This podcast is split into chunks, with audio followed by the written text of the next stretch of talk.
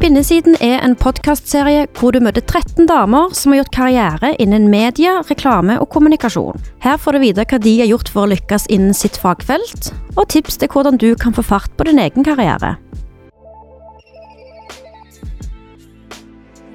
Kaja heter jeg, og i dag skal jeg møte Guri Neby, produsent og daglig leder i Einar film og fortellinger. Hei, Guri, og takk for at du er med på Spinnesiden. Hei. Du har lang fartstid som produsent eh, av både reklame og spillefilm. Men kan du fortelle litt om hvordan det hele starta? Jeg eh, tok en utdannelse i Skottland. Det var egentlig fryktelig tilfeldig, for det studiet fantes nesten ikke i noen andre land. Men jeg var innom og skrev hva jeg skulle gjøre for noe når jeg ble stor. Og så var det vel tilfeldigheter at det ble Skottland, for der var det noen kjæreste eller noe sånt som var. Men jeg skulle innom jussen, eller skulle jeg bli uh, økonom, og så var det bare et eller annet som kom opp med at det fantes et studie i kommunikasjon. Jeg ante ikke egentlig hva det dreide seg om, og hva som man endte opp på andre siden av når man studerer kommunikasjon, men der hadde man jo både mediefag, og så hadde man psykologi og sosiologi, og så var jeg ferdig der, og så endte jeg opp med å jobbe i først et bitte lite opphold i et reklamebyrå, som jeg ikke var så glad i å være i. Men, og så begynte jeg å jobbe i Real Image, som et sånn for oversatte Jeg har glemt helt, faktisk. Jeg drev og oversatte filmtrailere. Ja. Og lagde voiceover på de, og lagde sånn eh, På kino nå-ting. Mm. Det var liksom der det begynte, da. Mm. Så Men der var jeg halvannet år eller sånt nå, og så begynte de på det stedet, på Rillimench, som var et veldig veldig hyggelig sted å jobbe, så bestemte de seg for at de skulle spare penger. Og så skulle de begynne å slutte å ha en veldig hyggelig lunsj. Og den lunsjen var sånn Vi satt rundt et stort bord, og så kom det masse stab innom, og det kom ja, Det var et veldig sånn sosialt hyggelig sted. Det var ikke at det var så fantastisk lunsj, men det var veldig hyggelig lunsj. Og så fant vi ut nei, nå skal vi gå i kjelleren og kjøpe kaviar på, sånn for to kroner i sånn plastkopp. Da bestemte to av de andre kollegaene og meg å begynne å spise lunsj ute gå på et bakeri og spise lunsj sammen. Og da fant vi ut at vi skulle starte noe sammen. Da. Og da startet jeg et produksjonsselskap som het Kraftverk. Med to gutter. To, eller menn, eller hva det Nå er de vel menn, men de var Mhm. kanskje vi føltes som unge gutter da. Uh, og Kraftverk var et kjempebra produksjonsselskap. Altså, det var supergøy. Vi um, Hva gjorde du da? Ja, da var jeg produsent. Da, Mm. Eller da, da kalte de meg kreativ produsent, eller noe sånt noe. Fordi at jeg jobbet jo var glad i den. Jeg var en tydelig produsent en tydelig regissør, og så var det hva skal vi kalle Guri. Eh, men da ble det vel, var jeg produsent der også. Og da heiv jeg meg på en måte bare på, på en måte og tenkte at eh, altså Som en sånn utdannelsesmessig så hadde man en sånn bakgrunn, at man kunne noe. Har lagd, liksom, når du er på skolen, så lærer du å lage alt mulig. Du er innom hvert eneste felt, og filmbransjen er utrolig takknemlig sånn, for de liker jo at folk Eller alle har vært prodaser alle har jobbet seg opp, så alle har liksom bygget seg på et eller annet vis. Men du er innom forskjellige stadier, så du har vært på catering en, en uh, produksjon, og så har du vært på produksjonsassistent en produksjon, og så bygger man seg opp, da. Men jeg kom kanskje litt sånn bråkjapt inn som produsent. Jeg hadde jo produksjonsleder og sånne ting, men um, det var litt den der gutsen man hadde, det å starte nå. Ja. Være en gründer, da. Men jeg tror det ligger litt sånn i blodet. Familien min, alle driver med det. Starter ting. Så det lå i kortene for deg, det? Jeg tror kanskje det. Altså nå sånn i ettertid så tenker jeg kanskje at de gjorde det. Men uh, det var en veldig gøy tid. Altså vi uh, visste jo ikke hva vi skulle håpe, gjøre og Jeg husker jeg prøvde, vi prøvde å liksom intervjue folk, hva tror dere om, om vi starter, og alle sa nei, det må dere aldri finne på, aldri finne på. Så startet så ble vi det største produksjonsskapet i Norge. Uh, og så Og vi var skikkelig flinke. Vi startet eh, et digitalt sted og det endte iallfall uansett, altså endte det med at vi gjorde tidenes kuleste og første spillefilm, som het Buddy. Med Aksel og Nikolai spilte, og Morten Tyllum regisserte og sånn. Og eh, det var kjempegøy. Altså, vi hadde investert egne penger i det, så det var veldig stor fallhøyde. Og vi sto der og hadde Hæ? Er det noen som har sett nesten 300 000? Det var ingen som så på norsk film på den måten. Men eh, vi gjorde iallfall det. Men da, rett etter det, så fant vi ut Ha, er det så gøy å være sammen nå lenger nå? Mm. akkurat som alt brøt sammen. Og så gjorde vi noen kjemperock'n'roll-greier ved å bare legge ned hele sjappa. Kraftverk la ned, produksjonsselskapet som gjorde Buddy-lavene, bare la ned. Hva, hva var grunnen til det? Nei, det var jo litt De andre gutta var litt duvenner, og de hadde vokst opp litt sammen, og det ble litt sånn. Men øhm, Altså, den dag i dag Jeg er god venn med alle sammen enda, men eh, det var på en måte en tid for det, da. Og ut av kraftverk da, så startet jo tre eller fire nye produksjonsselskaper, så det på en måte var egentlig litt fint òg. Og da bestemte Morten Tyldum og jeg meg at vi skulle starte sammen. For vi hadde jobbet mest sammen. Og da ble det Einar Film, og da startet det enda et, enda et produksjonsselskap. Hmm. Og det er jo ganske mange år siden, og det var jo 90... Nei, når var det? Tolv år siden, eller noe sånt? Nei, det er, tenker man. 15 år siden er det. Så da må jo din læringskurve ha vært ganske bratt. Ja. Om du da bare gikk rett fra skolen omtrent, og så jobbet Nei, jeg var, innom, jeg var jo innom Real Image i to år, nei, halvannet år, øh, og holdt på med disse oversettelsene og inne, og kunne ganske, jeg var egentlig mest spesialist på etterarbeid, da. Spesialist og spesialist, ja, iallfall var det jeg jobbet med. Og lyd og lave, eller for komponert musikk, øh, oversettelser, som sagt. Altså, jeg har jo sånn skikkelig svin på skogen med var en sånn derre rap som ble laget, søtt, salt og syrlig, husker jeg, som alle husker. Det var en av jeg Mm, det husker jeg satt Ja, alle husker den, men liksom, da måtte du finne han rapperen som kunne lage det. Altså, du begynner den, den der, da, men eh, det var den tiden. Så eh, lærte jo veldig mye av det. Og, du, og det som er liksom litt med den jobben man har, er at man lærer jo noe hele tiden. Det er det som er så fascinerende. Altså Man blir aldri helt ferdig utlært. Er- Hver eneste produksjon er noe nytt. Og derfor så lærer man hele veien. Ikke sant? Så da slags Livet er en lang utdannelse, sånn sett. Hvorfor ble du produsent og ikke noe annet innen eh, Regissør, liksom. Ja, altså Nei Nei, det er vel at man har en eller annen eh, driv i at man kanskje alltid Du, du vet, jeg er hun som var elevrådsleder, skjønner du? mm. Ja, du har gått den veien der. Hun som satt i, i landsstyret eller hovedstyret. Altså, hun. Jeg er hun. Da er det hun som er også er produsenten. Det var på en måte tiltenkt meg. På et eller annet vis. Er du litt sånn altmulig dame? Ja Nja. Nja. Jeg tror ikke nå i dag så tror jeg at det er veldig sånn Produksjonslederne mine er nok mer altmuligdamer enn hva jeg er. Eh, Jeg merker jo en av de store utfordringene i jobben min handler om tid. Å få tid til alt man har lyst til å sette seg inn i og jeg kan ikke være, det er, det er ikke jeg som booker stab lenger, det er ikke jeg som organiserer opptakene lenger, men at man har en annen stor oversikt, det er kanskje den hovedoppgaven min nå. Så ja, på en måte altmuligdame, men veldig sånn spesifikt det er reklame eller, eller nå, da, som jeg prøver å utvikle spillefilm også, som jeg driver med. Som, ja, det er den, altså Produsentrollen er jo den som skal ha den store oversikten. En som de kreative skal kunne tenke at ivaretar deres idé, f.eks., eller at jeg skal ivareta eller få regissørene til å yte best mulig. Og det er kanskje det jeg ser som min store oppgave, da. Framfor å være hun pengedama, så er det vel mest det å prøve å ivareta ideen, eller ivareta det kreative som en regissør ønsker. Uten at det skal gå på bekostning selvfølgelig alt mulig annet, men det er på en måte det å løfte opp folk. Jeg, jeg tror kanskje en av de tingene jeg syns jeg er flink til, er vel det å prøve å få, få andre folk gode. Det høres ut som en ekte lederuttalelse. det er Ja, tatt rett det. fra et uh, Ja, sitat, tror jeg. Ja, nei, men det, det, er, det, det ser jeg som hovedoppgaven min. Uh, mer enn at det er jeg som skal være den som skal stå forrest der, så er det jo det. Og det får jeg takk for også, sånn som jeg har jo en sånn eh, Hva skal jeg si, sånn som Morten da, Tyldum, som gjør det tross alt ganske bra der borte i Amerika nå. Han sier jo det, at det er jo det Altså, det kommer jo av den det samarbeidet vi hadde alle disse årene. altså Han er jo eh, norgesmester, eller verdensmester akkurat nå, eh, i å være flink til å pitche ting og forklare ting. Men eh, jeg har jo på en måte, vi har jobbet sammen i 15 år og byg, har bygget på en måte Gjort ham god òg, da. Ikke det at jeg, altså Han er et supertalent, ikke det, men han har fått fram det gode i produksjonen hans, for eksempel. Da.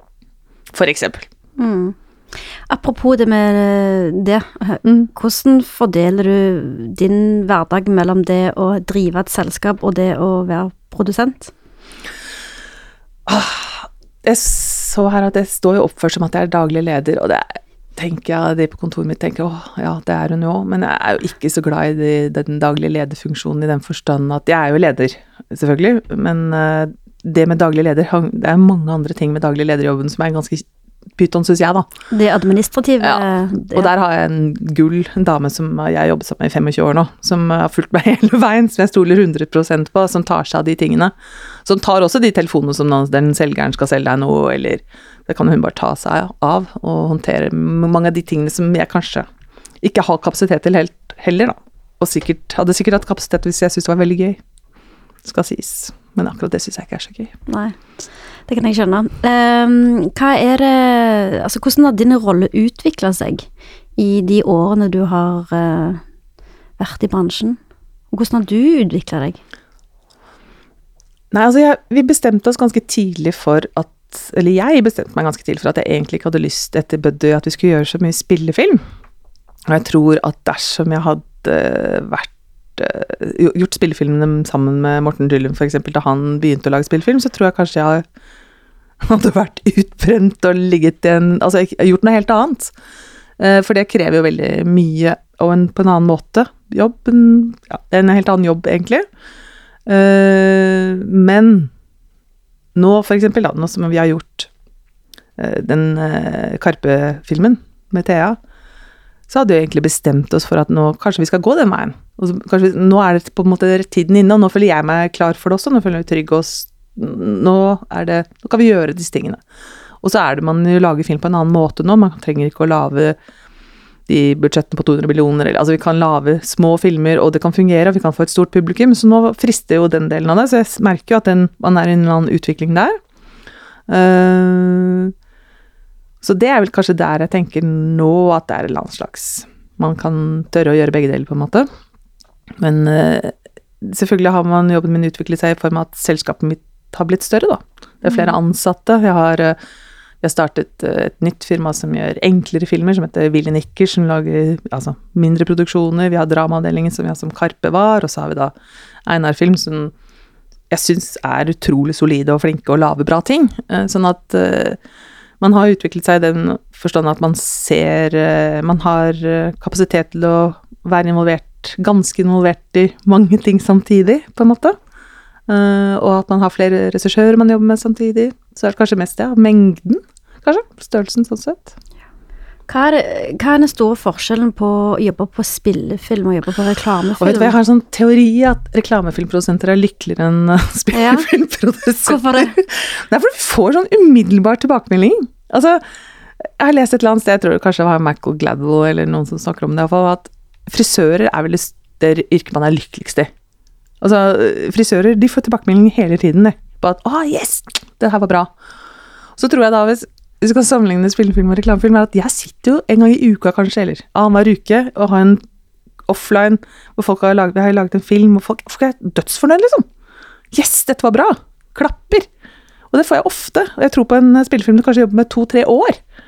Og så sitter du og så får du den applausen, men det er antiklimaks etterpå. Herregud, du har den ene applausen på den premieren, eller det, det, Dette er så utrolig tungt, og så utrolig mye som skal på plass, og så er det den tilbakemeldingen som kommer den ene gangen. Så tror jeg bare liksom litt lettere til sinns, da. Tror jeg man blir.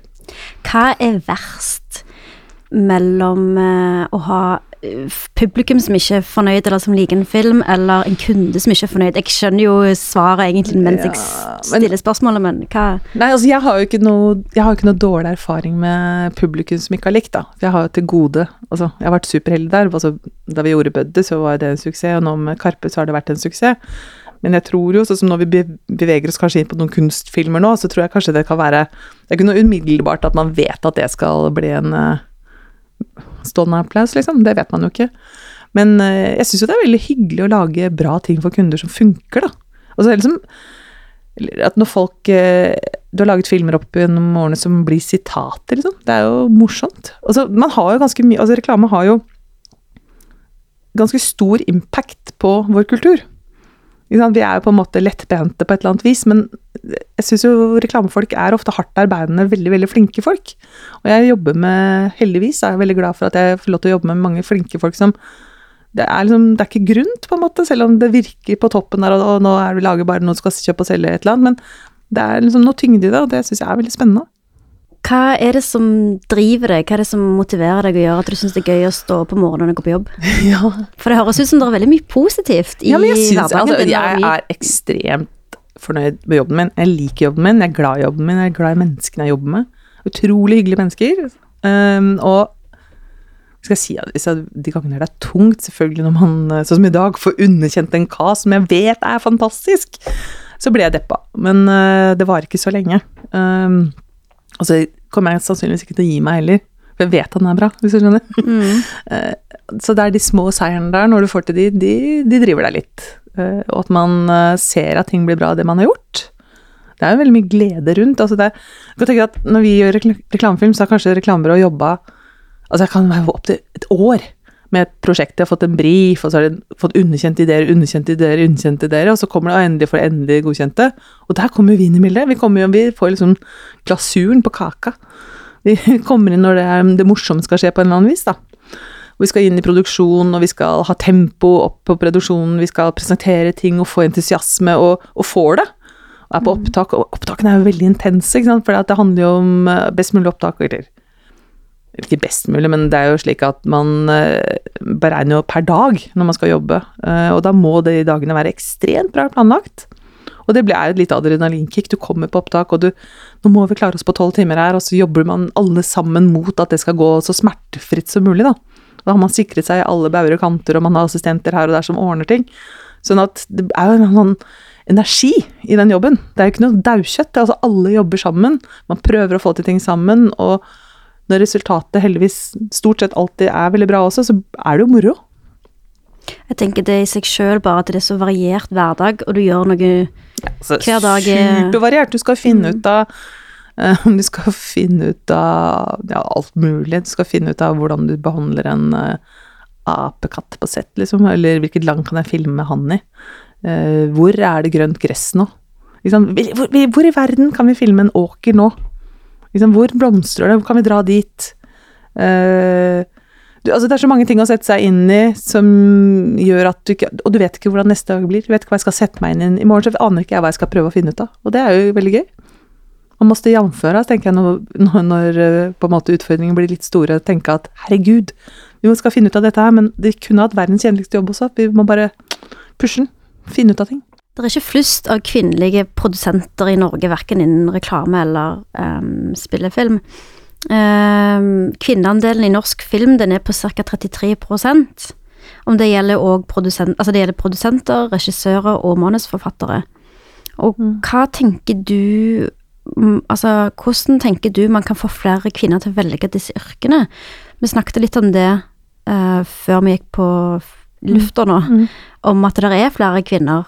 Eh, Det er flere, og akkurat produsenter, det er sånn sånn takknemlig, for det er vi, vi er noen, altså. Ja. Eh, mange syns jeg er veldig flinke produsenter, som er damer. Uh, og eh, jeg jobber jo nå med kvinnelige regissører, som jeg syns er kjempegøy. Altså det er en helt annen tilnærming. Men det er klart at eh, når NFI satte opp å få at kvinneandelen skulle opp, og bestemte seg for det, så merker man jo i det øyeblikket nå vi skal gå i gang med Eller vi søker penger nå, da, til eh, en spillfilmproduksjon. Og det er en eh, voksen mann som er regissør, en voksen mann som er mannsfatter, så er det klart det er fordelig at vi er dame, kvinnelige produsenter. Men uh, vi er jo bare to av tre. Sånn at uh, vi ligger jo da så Det at de tvinger fram det, og du ser at det er kvinner som får penger, rett og slett, til å produsere spillefilm, så tror jeg det er et veldig bra virkemiddel, egentlig. Fordi de kvinnene som er oppe nå, de får virkelig vist seg. De får gjort ting. De får penger til å lage spillfilm, De får eh, midlene, og det tror jeg er riktig veien å gå. Så prøver man seg La merke til i går da jeg så på Heimebane, at der hadde jo både kvinnelig regissør, fotograf, klipper, scenograf Altså det er mange av de tingene som ikke vanligvis kanskje er uh, kvinner, men uh, du merker at kvinnealderen kommer opp, og det er veldig mange bra kvinner. Og så er tiden inne for kvinner. Altså det er en helt annen måte å jobbe nå på. Man, man samarbeider på en helt annen måte når man lager film. En, eh, det er ikke så ovenfra og ned, sånn som det kanskje var. Så jeg tror at liksom Hvordan da? Hva mener du? Nei, jeg tenker at før så har man merket at det nesten har vært et sånn hierarkisk eh, diktatur. At det står en noen brølende mann på toppen og sier hva folk skal gjøre. Det er liksom ikke den lenger. Det er ikke noe hyggelig å stå og høre på en brølende mann på toppen. Man samarbeider. Man hører Snakker med folk, og det passer kanskje damer bedre, den samarbeidsformen som har blitt nå. Altså 2018 er en helt annen måte å jobbe på. Det er en samarbeidsform som ikke ligner på det som var på, iallfall på 90-tallet, syns jeg. Det er veldig annerledes. Og veldig fint sted. Mye finere sted. Ja, mye finere. Så Ja, det synes det er bedre nå enn det var? Ja, absolutt. Ja. Mye, mye lavere skuldre. Og da blir det bedre. Altså jeg tror på at nesten alle produksjonene vi gjør, øh, hvis jeg er heldig og kan jobbe med de som jeg jobber mest med, som jeg er gladest i å jobbe med, på en måte, så merker jeg at de har tillit til meg. Eh, og jeg har tillit til dem. Og denne kommunikasjonsformen nå, den er basert på tillit, og da blir det så bra. Det er de beste produksjonene jeg har. Det er de tillitsbasert. De der som er fryktstyrte, det er det heldigvis færre av nå. Men uh, igjen, da, så trenger de også mykes opp og læres opp at hallo, vi hører på hva du sier. Du trenger ikke være, Det er ikke noe skummelt. Vi prøver på en måte å tenke at man skal samarbeide, da. Og det er en veldig fint sted akkurat nå, syns jeg. Det tror jeg varer. Absolutt. Har du noen råd til produsentspirer, eller uh... ja, Vet du hva, det har faktisk jeg hatt har hatt uh, har noen sånne Jeg er egentlig veldig glad i å ta inn Altså ha folk på opplæring. Og så har jeg alltid hatt inn folk som akkurat nyutdannet, eller nå skal ta inn folk på praksisplass og sånn. Fordi at det som jeg pleier å si til den jeg ser på kommer med en CV, for det er ganske mange som jobber med et eller annet med film. Altså du får jo ganske mange søknader opp gjennom, og, eller gjennom året, eller Det kommer jo folk som har veldig lyst til å jobbe med et eller annet med film, men som ikke vet noe. Men da kan man ta masse utdannelse, og det er jo fint å ha i bånn. Men de må begynne å jobbe. Du må begynne å få praksis. Du kan få lov til å være med på å bære, du kan være med på catering, du kan være med og, lære deg alle funksjonene. For i øyeblikket at du har vært innom det, så har du litt mer i kroppen av når du skal sitte der og budsjettere og tenke ut hvordan den produksjonen er. For det å komme rett fra skolen på det, det ja, jeg tror jeg ikke er anbefaler, rett og slett. Men trenger man utdannelse i det hele tatt? For det høres nesten ikke. ikke sånn ut. Nei, altså Hvis jeg skulle ønske meg noe i dag, så hadde jeg gått på den første tingen jeg hadde tenkt. Så har det vært jurist. Mm. Og så er det noe jeg jobber mest med nå i dag, er det jo avtaler. Eh, og særlig på de store, eller kanskje litt mer kompliserte jobbene, så er det jo der man skulle Altså hvis du går til USA, da, så er nesten veldig mange av produsentene jurister, faktisk. Ja.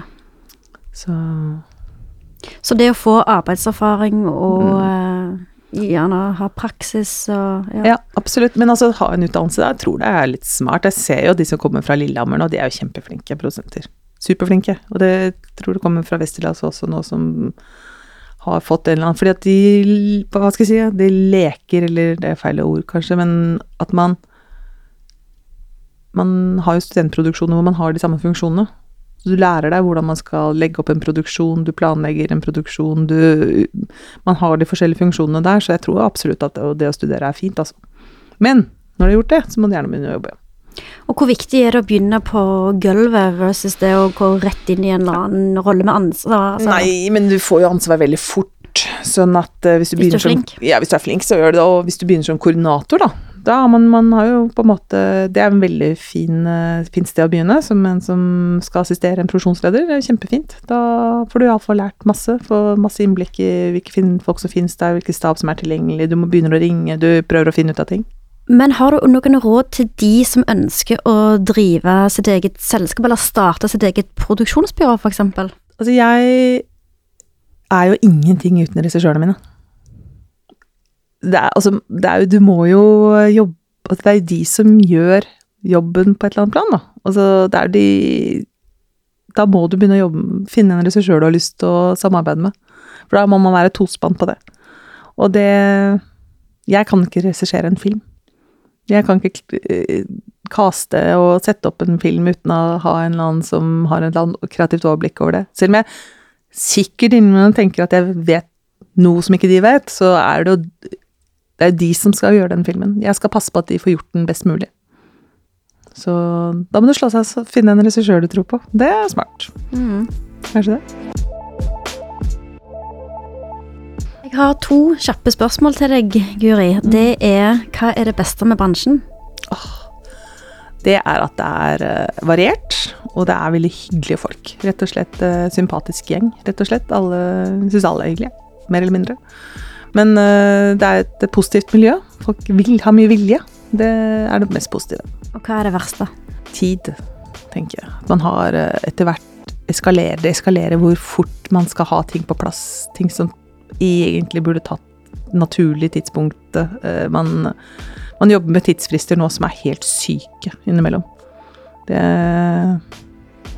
Jeg tror vi har blitt litt, de, folk har blitt litt bortskjemte på det, rett og slett. At vi får det til, men uh, vi brekker liksom hva er det heter for noe? Brekker halsen, eller noe? Brekker nakken. Brekker nakken. Og det mm. hender, altså virkelig, det hender at man brekker nakken, for at Man tenker at ting går så fort, og ting får ikke den naturlige tidshorisonten man skal ha. Um, og det blir nesten bare verre og verre. Så det tenker jeg den, der, der har vi en utfordring, å lære litt som opp folk litt igjen. Da, og si at hallo, det her må du ha en uke til til. Du kan ikke klippe en så stor film på to dager når den krever fem. Altså, de tingene der, de, det er nok den jeg synes er mest utfordrende akkurat nå til dags. da. Alt går mye fortere. Hvorfor skal ikke det lage, gå fortere å lage film? Guri, tusen takk for praten. Det var utrolig hyggelig og ikke minst interessant. Takk skal du ha.